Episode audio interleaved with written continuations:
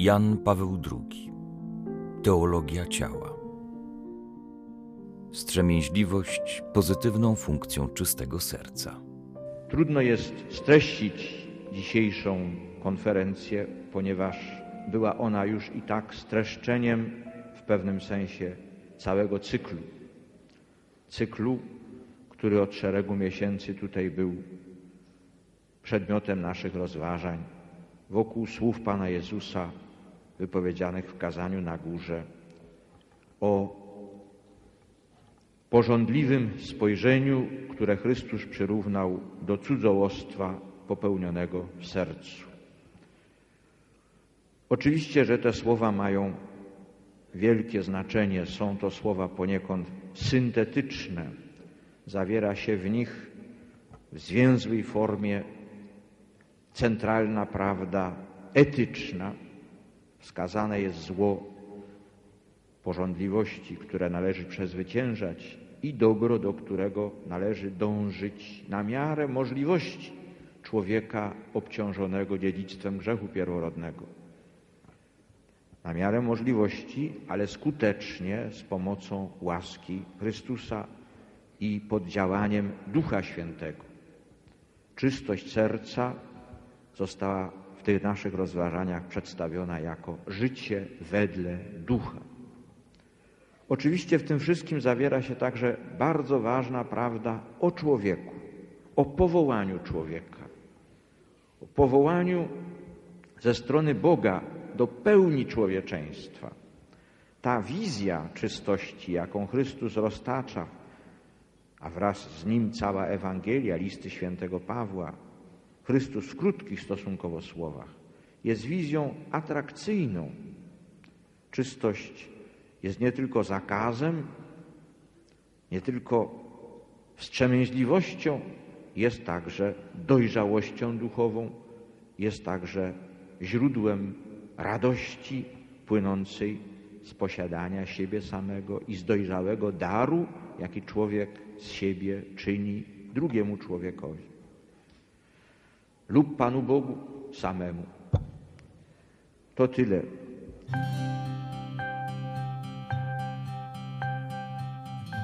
Prima di concludere il ciclo di considerazioni concernenti le parole pronunziate da kiedy wypada zakończyć ów ciąg rozważań, które wyrosły z refleksji nad słowami Chrystusa Pana, wypowiedzianymi w kazaniu na górze, trzeba jeszcze raz powtórzyć słowa i krótko odtworzyć tok myśli, którego stanowiły one podstawę.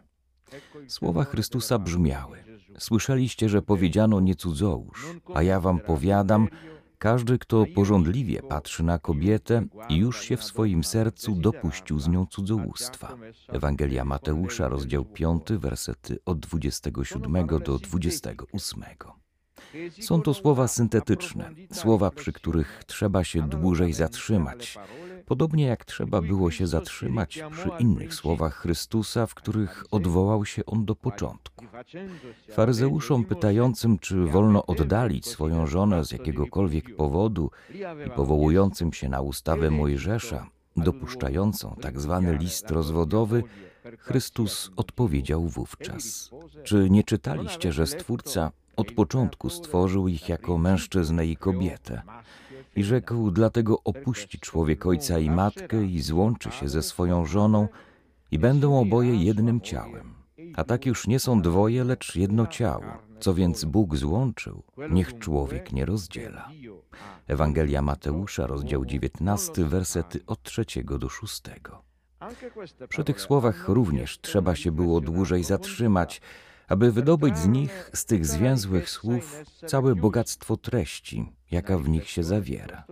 Prowadzona w ten sposób refleksja skierowuje nas do zarysowania autentycznej teologii ciała.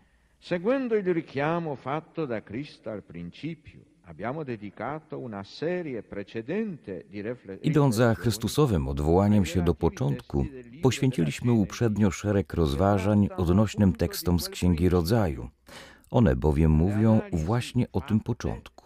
Wyrósł z tych analiz nie tylko obraz sytuacji człowieka, mężczyzny i kobiety w stanie pierwotnej niewinności, ale także sam teologiczny zrąb prawdy o człowieku i o tym jego powołaniu, którego źródłem jest odwieczna tajemnica osoby, obrazu Boga wcielonego w widzialny, cielesny fakt męskości lub kobiecości ludzkiej osoby. Ta prawda stoi u podstaw odpowiedzi danej przez Chrystusa w związku z charakterem małżeństwa, w szczególności z jego nierozerwalnością. Jest to zaś prawda o człowieku, która swymi korzeniami sięga stanu pierwotnej niewinności, którą przeto należy zrozumieć w kontekście owej przedgrzechowej sytuacji człowieka, tak jak staraliśmy się to uczynić w poprzednim cyklu naszych rozważań. Contemporaneamente, tuttavia, occorre considerare, intendere ed interpretare la medesima verità fondamentale sull'uomo Równocześnie jednak na tę samą podstawową prawdę o człowieku jako mężczyźnie i kobiecie wypada nam patrzeć, wypada ją rozumieć i interpretować w pryzmacie innej sytuacji, tej mianowicie, jaka wytworzyła się wraz ze złamaniem pierwszego przymierza ze Stwórcą, czyli z grzechem pierworodnym. Wypada nam na tę prawdę o człowieku, mężczyźnie i kobiecie patrzeć w kontekście jego dziedzicznej grzeszności. I tu właśnie spotykamy się z Chrystusową wypowiedzią w kazaniu na górze. Oczywiście, że w Piśmie Świętym Starego i Nowego Przymierza wiele jest opisów, zdań i słów, które świadczą o tej samej prawdzie. Człowiek historyczny nosi w sobie dziedzictwo grzechu pierworodnego. Jednakże słowa Chrystusa z kazania na górze wydają się zawierać w sobie przy całej zwięzłości wypowiedzi szczególnie syntetyczną wymowę. Wskazuje to przeprowadzona wcześniej analiza, która stopniowo odsłania to, co w słowach Chrystusa się zawiera. A żeby wyjaśnić słowa mówiące o pożądaniu, trzeba trafić do biblijnego znaczenia pożądliwości, trojakiej, ale głównie pożądliwości ciała. Wówczas stopniowo staje się zrozumiałe, dlaczego Jezus owo pożądanie, a ściślej pożądliwe spojrzenie, określa jako cudzołożenie w sercu. Przeprowadzając odnośne analizy, staraliśmy się równocześnie zrozumieć, jakie znaczenie miały słowa Chrystusa dla jego ówczesnych słuchaczy, wychowanych w tradycji Starego Testamentu, tekstów prawnych, ale także prorockich i mądrościowych, oraz jakie znaczenie mogą mieć dla człowieka różnych epok, a zwłaszcza dla człowieka współczesnego, z uwagi na jego uwarunkowania kulturowe i cywilizacyjne. Jesteśmy bowiem przekonani, że słowa te w swojej istotnej treści odnoszą się do człowieka każdego miejsca i czasu. Na tym również polega ich walor syntetyczny. Każdemu głoszą prawdę, która jest dla niego ważna i zasadnicza. Quale è questa verità? Indubbiamente è una verità di carattere etico e quindi in definitiva di una verità. Jaka to jest prawda? Jest to niewątpliwie prawda natury etycznej, a więc ostatecznie prawda normatywna. Tak jak normatywna jest prawda zawarta w przykazaniu nie cudzołóż. Chrystusowa wykładnia przykazania nie cudzołóż wskazuje na zło, którego należy unikać, które trzeba przezwyciężyć. Jest to właśnie zło porządliwości ciała. I równocześnie wskazuje na dobro, do którego przezwyciężenie pożądań toruje drogę. Tym dobrem jest czystość serca, o jakiej Chrystus mówi w tym samym kontekście, to znaczy w kazaniu na górze. Z biblijnego punktu widzenia czystość serca oznacza wolność od wszelkiego rodzaju grzechów czy win, a nie tylko dotyczących porządliwości ciała. Tu jednakże zajmujemy się szczególnie jednym z aspektów owej czystości, który stanowi przeciwieństwo cudzołożenia w sercu. Jeśli więc owa czystość serca, o którą nam chodzi, powinna być rozumiana po myśli świętego Pawła jako życie według ducha, wówczas w tym Pawłowym kontekście uzyskujemy pełny obraz tej treści, jaką zawierają słowa Chrystusa z kazania na górze. Zawierają one prawdę natury etycznej, przestrzegają przed złem i wskazują na dobro moralne ludzkiego postępowania. Więcej jeszcze, naprowadzają słuchaczy na to, jak uniknąć zła porządliwości i jak osiągnąć czystość serca. Słowa te mają więc znaczenie normatywne i zarazem naprowadzające. Naprowadzając na dobro czystości serca, wskazują równocześnie na wartości, jakich serce ludzkie może i powinno zapragnąć. Di qui la domanda: quale verità valida per ogni uomo è contenuta nelle parole di Cristo? Stąd też na pytanie, jaka prawda ważna dla każdego człowieka zawiera się w tych słowach, musimy odpowiedzieć nie tylko prawda etyczna, ale równocześnie bardzo istotna prawda o człowieku, prawda antropologiczna. Dlatego właśnie sięgamy do tych słów w kształtowanej tutaj teologii ciała w ścisłym nawiązaniu do tych poprzednich słów, w których Chrystus odwołał się do początku i niejako na ich przedłużeniu. Można powiedzieć, że poprzez ich ewangeliczną wymowę do świadomości człowieka porządliwości zostaje niejako przywołany człowiek pierwotnej niewinności. Ale słowa Chrystusa są realistyczne. Nie usiłują cofnąć serca ludzkiego do stanu pierwotnej niewinności, który to stan człowiek pozostawił za sobą wraz z grzechem pierworodnym. Natomiast wskazują mu drogę do takiej czystości serca, jaka jest dla niego możliwa i dostępna również w stanie dziedzicznej grzeszności. Jest to czystość człowieka porządliwości, natchnionego jednak słowem Ewangelii i otwartego na życie ducha. Czystość człowieka porządliwości, ogarniętego w ten sposób Chrystusowym odkupieniem ciała. Dlatego właśnie w słowach kazania na górze znajdujemy odwołanie się do serca, do człowieka wewnętrznego.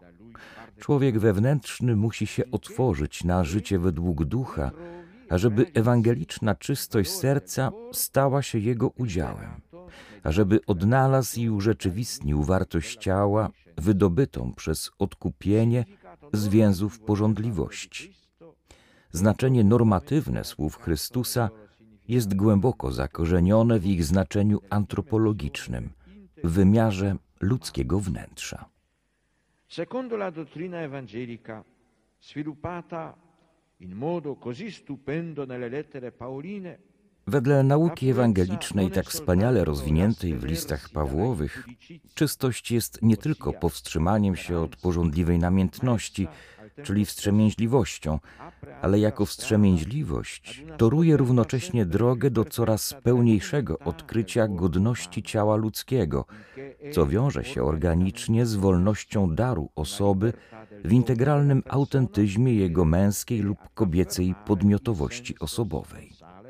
W ten sposób czystość jako wstrzemięźliwość dojrzewa w sercu człowieka, który ją pielęgnuje w kierunku odkrycia i afirmacji oblubieńczego sensu ciała w jego integralnej prawdzie. Ta właśnie prawda musi być poznana wewnętrznie, musi być poniekąd odczuta sercem, ażeby odniesienia wzajemne mężczyzny i kobiety, nawet takie jak zwyczajne spojrzenie, odzyskiwały ową autentycznie oblubieńczą treść swoich znaczeń. Na tę właśnie treść wskazuje w Ewangelii czystość serca.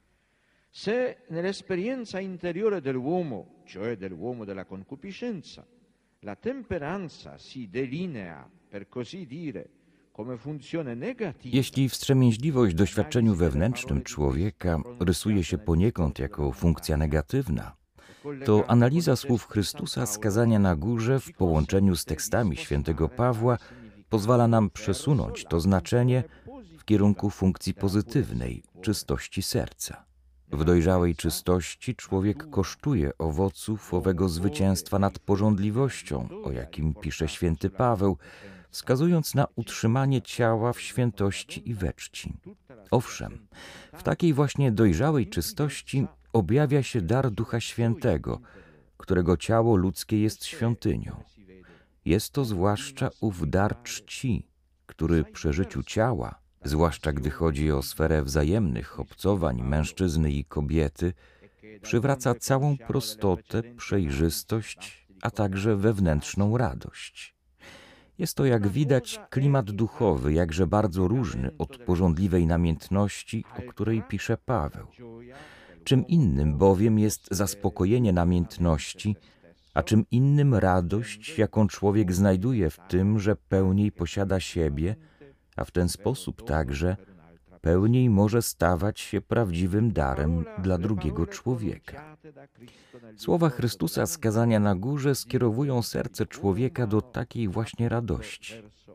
Trzeba im powierzyć siebie, swe myśli i uczynki, ażeby znajdować tę radość i obdarowywać nią drugich.